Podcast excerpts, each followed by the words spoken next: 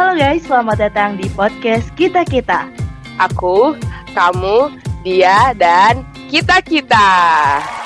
Halo semuanya, Assalamualaikum warahmatullahi wabarakatuh Marhaban ya Ramadan Akhirnya kita ditemukan di bulan yang suci, yaitu bulan Ramadan Dan kali ini kita akan membawakan sesuatu yang spesial nih di podcast kali ini Karena kita kedatangan oleh narasumber kita yang luar biasa sekali Dan juga Wah hebat deh pokoknya.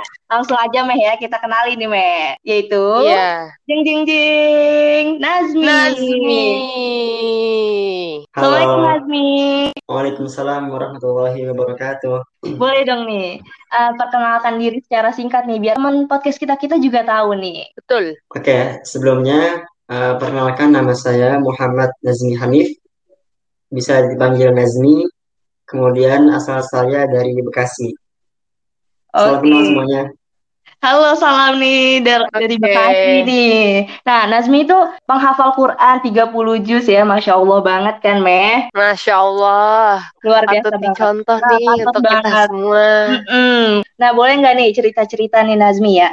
Bagaimana sih uh, awal memiliki keinginan untuk menghafal Quran 30 juz itu gimana ceritanya? Em, jadi awal ketika saya berkeinginan untuk menghafal Al-Quran yaitu kelas 4 SD, yaitu di mana waktu itu saya tertarik dengan bacaan Al-Quran. Yaitu ketika SD waktu itu saya tertarik dengan bacaan Al-Quran murotal dari Muhammad Toha Al-Junaid. Yang seperti contohnya yang kayak gini. Eh, Alhamdulillahi Rabbil Alamin. Ar-Rahmanir Rahim. Maliki Yaumiddin. Nah, yang seperti itu. Di ketika itu saya mendengarnya wah, Masya Allah banget. Ini bacaan Al-Quran itu sangat indah sekali. Oleh karena itu dari dimulai dari situ saya mulai tertarik dengan dengan Al-Quran dan saya ingin menghafalkan Al-Quran 30 juz. Seperti itu, Kak. Oh, Masya Allah, tabarakallah. Wow.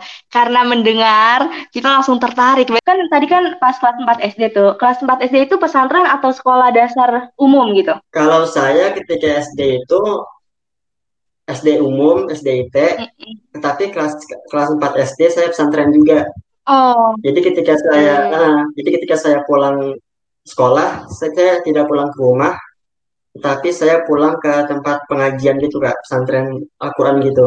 oh, seperti itu. Jadi kayak Hmm. sekolah tapi di pesantren gitu ya. Ada pesantrennya kalau udah mau pulang gitu kan.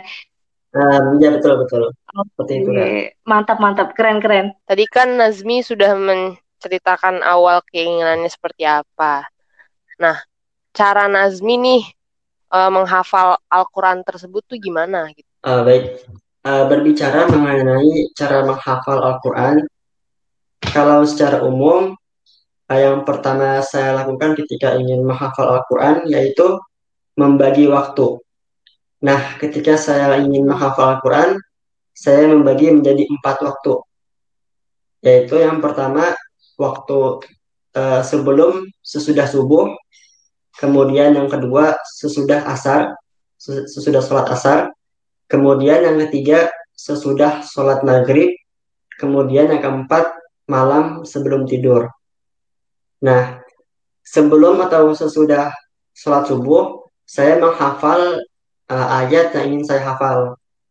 Kemudian setelah itu, Hmm. sesudah asar atau ba'da sholat asar, saya murojaah atau mengulang-ulang hafalan yang sudah saya hafal tadi pagi. Kemudian, sesudah maghrib atau sesudah sholat maghrib, saya murojaah atau mengulang-ulang hafalan yang sudah saya punya sebelumnya. Misalkan saya punya hafalan juz 30 dan juz 29. Nah, ketika itu saya ingin menghafal juz 29. Nah, ketika ba'da sholat maghrib, saya merojaah hafalan yang telah punya sebelumnya itu juz 30. Seperti itu. Kemudian, Hmm. selanjutnya malam sebelum tidur, saya membaca-baca uh, hafalan atau ayat yang ingin dihafalkan pada bes- besok harinya. Seperti itu, Kak. Hmm. Mantap, mantap. Kemudian itu terkait dengan pembagian waktu menghafal Al-Quran. Selanjutnya yaitu cara saya menghafal Al-Quran. Cara menghafal Al-Quran sebenarnya sudah banyak sekali cara-cara menghafal Al-Quran. Tapi tetapi yang saya yang saya gunakan yaitu seperti umumnya ketika kita ingin membaca atau menghafal Al-Quran, maka kita membaca-baca atau mengulang-ulang ayat yang ingin kita baca sebanyak 10 kali. Misalkan kita ingin menghafal 5 ayat tuh. Nah, itu 5 ayat kita baca berulang-ulang sebanyak 10 kali. Kemudian yang kedua, kita mulai menghafal ayat yang pertama. Kita hafal-hafal tuh ayat yang pertama, kemudian setelah hafal ayat yang pertama, kita lanjut ke ayat yang kedua. Nah, kemudian ketika kita sudah hafal ayat yang kedua, kita ulang lagi tuh dari, dari ayat yang pertama dan yang kedua. Begitu terus selanjut sampai ayat yang kelima. Jadi ketika kita sudah hafal semuanya, kita ulang dari awal dari ayat 1, 2, 3, 4, dan 5. Kemudian yang terpenting, setelah kita menghafal ayat tersebut, harus disetorkan kepada teman atau kepada guru. Kenapa kita harus mensetorkan hafalan kita? Karena supaya kita bisa mengetahui bagaimana kualitas hafalan kita pada hari itu, dan untuk mengetahui apakah ada kesalahan ketika kita dalam hafal pada hari itu juga. Seperti itu, Kak. Wah, Masya Allah banget ya. Hmm, istiqomahnya bagus, bagus banget. banget ya. Kan banyak nih dari kita belum bisa kayak gitu, tapi Nazmi sudah bisa hmm, gitu. Masya Allah, Masya Allah. Nah, waktu ber, waktunya itu berapa lama, Nazmi, untuk menghafal juz 30? Uh, mengenai waktu saya menghafal uh, 30 juz yeah. ya, Kak. Yaitu ketika itu saya mulai menghafal kelas 4 SD, dan saya selesai waktu itu kelas uh, eh, 2 SMP atau sekitar hmm. sekitar lima tahun lah. Uh, ketika SD saya telah uh, menghafal apa namanya sekitar uh, 6 juz. Jadi setiap tahunnya ketika waktu SD saya kelas 4 SD 2 juz, kelas 5 SD 2 juz, kelas 6 SD 2 juz. Kemudian saya lanjut ke pesantren menghafal Quran. Di tahun pertama saya menghafal uh, 12 juz dan tahun kedua 12 juz juga, jadi di total 24 ditambah 6. Jadi 30 juz. Masya Allah. Hmm. Keren banget, apalagi kan Al-Quran itu tebel ya. Mm -mm. Terus tapi, uh, dan ternyata Al-Quran itu gampang dihafal loh untuk orang-orang yang emang mau nih menghafal itu kita pasti bisa untuk menghafalnya. Contohnya udah ada seperti Nazmi ini. Betul. Wah mantap banget ya.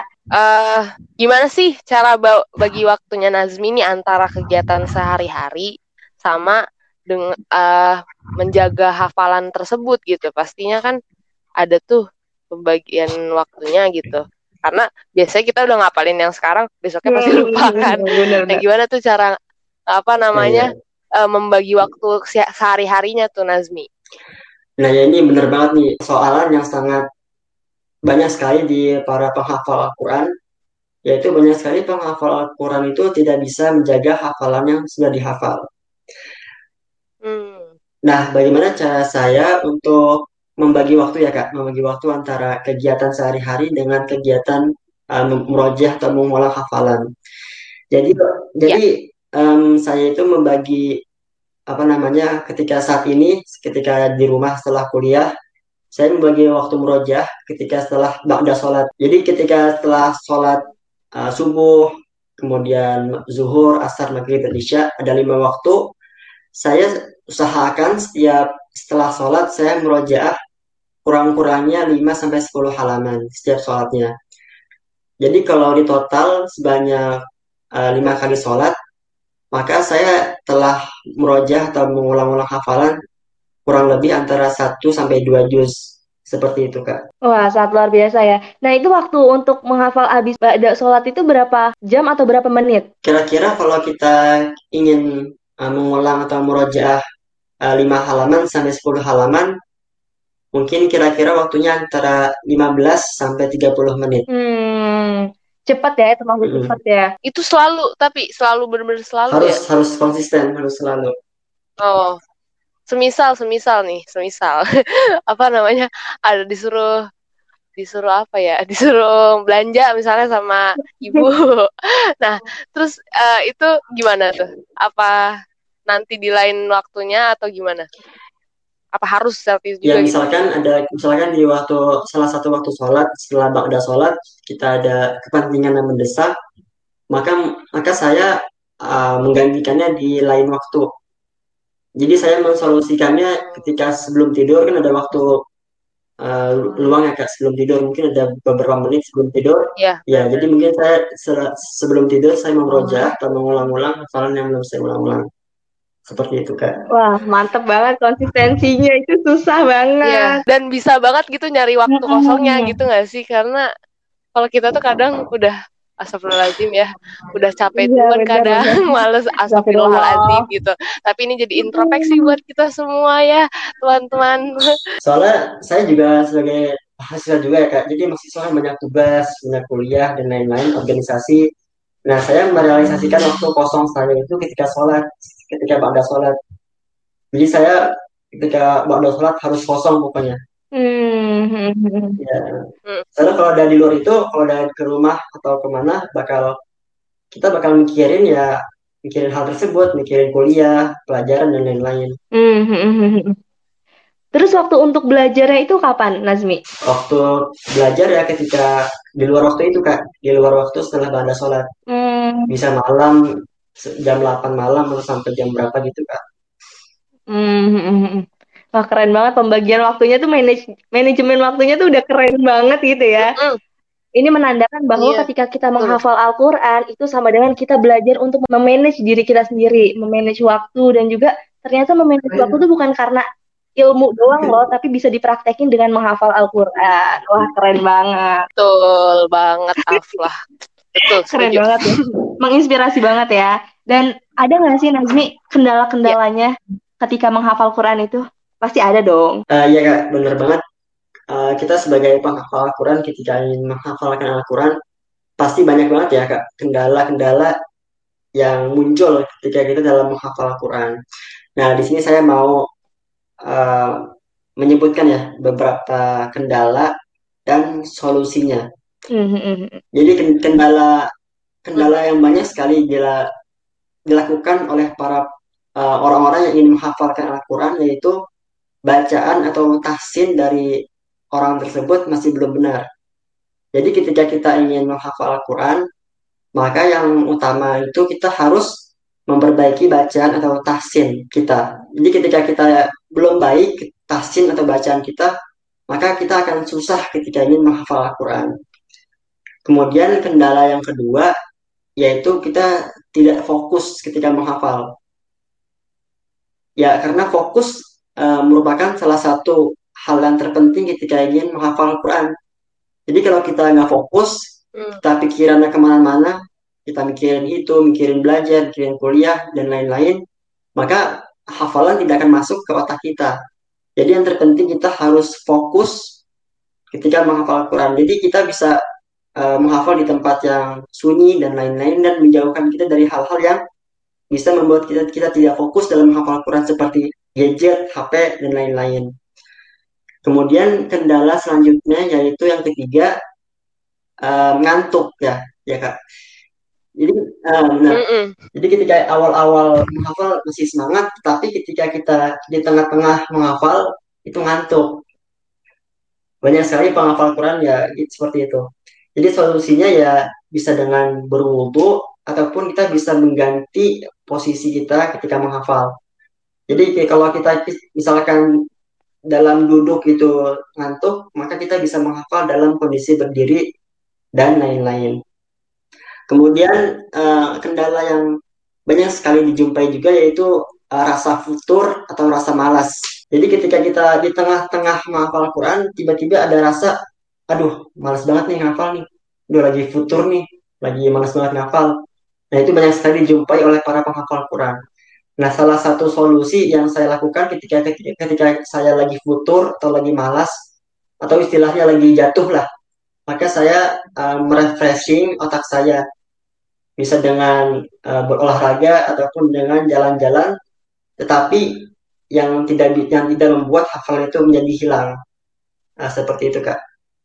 Beberapa apa namanya kendala ketika menghafal Al-Quran. Wah, bisa banget nih untuk diterapkan ya. Mantap. Untuk buat teman-teman yang mau menghafal Al-Quran dan masih ada kendala-kendala dan pastinya kendala itu nggak akan hilang sih karena kan namanya setan ya datang itu dari arah mana aja kanan kiri atas bawah itu setan pasti bisa masuk. Nah tugas kita adalah untuk bagaimana cara kita mengendalikannya agar diri kita itu menepis tuh ditepis godaan setan. Nah bisa banget nih menggunakan cara-cara Nasmi tadi. Nah lanjut nih pesan deh uh, buat dari Nazmi untuk para pendengar podcast kita kita pesan lah pokoknya pesan Nazmi ini ada nggak? Ya um, pesan yang saya ingin saya sampaikan kepada teman-teman semua uh, Al-Quran merupakan pedoman bagi kita setiap Muslim tentunya.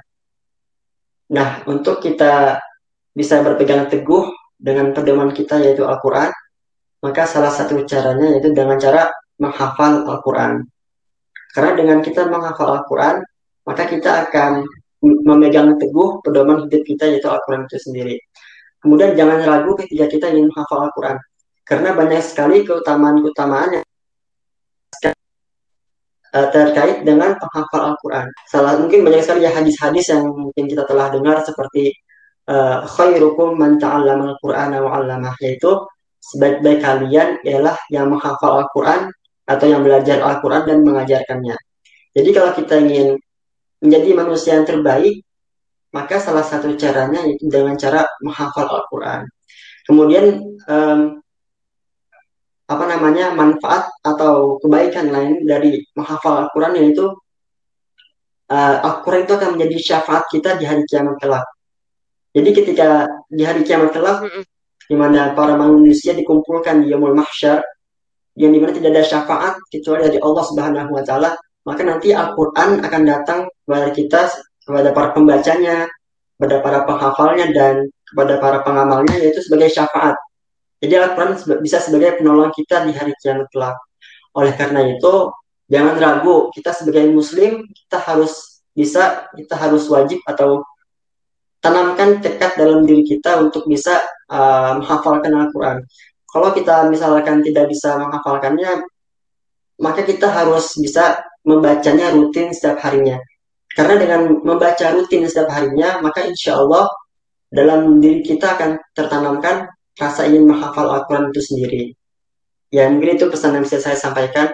Masya Allah, ya, Masya Allah, luar biasa sekali, ya keren banget. Karena Al-Quran itu merupakan cahaya dunia dan akhirat, Betul. dan akan mempermudah kita dalam segala kegiatan ketika kita bisa mengamalkan isi-isi Al-Quran sendiri. Karena namanya Al-Quran pasti itu dari Allah dan semua isinya pasti benar. Dan kalau misalnya kita menjalankan dengan benar, itu akan berdampak dengan kehidupan kita itu positif banget ya kan. Masya Allah banget. Mungkin ada pesan-pesan dari Imeh yang mau disampaikan untuk teman podcast kita-kita? Pokoknya Nazmi keren sih. Mantap ya, luar biasa. keren banget. Nah, apa namanya? Mungkin buat, buat uh, teman-teman PDKT, ya sebenarnya yang terpenting ketika kita mau, ketika kita ada niatan tuh, ya apa namanya, itu udah bagus banget gitu. Ngerti gak sih? Kayak ketika sudah ada niatan maka hmm. lakukan gitu kan ya karena Al-Quran itu tidak hanya untuk dibaca tapi untuk dipahami lalu dilakukan gitu dan uh, apa namanya uh, Al-Quran juga uh, betul tadi kata Nazmi itu syafaat di hari apa di hari akhir ya nah itu penting banget nih buat kita berarti mempelajari isinya menghafalnya mengamalkannya hmm. gitu kan ya Masya Allah, luar biasa ya. sekali teman-temanku. Narasumber kita biasa sekali ya, dan juga Kapten ini keren. Kapten apa juga keren. Oke, okay, terima kasih Nazmi atas waktunya. Uh, ya Kak, terima kasih juga telah mengundang saya dalam podcast kita kita. Semoga yang bisa yang saya sampaikan bisa bermanfaat untuk diri saya sendiri khususnya dan bisa bermanfaat untuk teman-teman semua. Amin, amin, hmm. amin. Amin. Amin. Sangat bermanfaat, Sangat bermanfaat kok. Banget banget ya. Sangat amat. Oke, mungkin sekian iya. podcast dari kami. Kurang lebihnya mohon maaf. Wassalamualaikum warahmatullahi wabarakatuh. See you next podcast. Bye.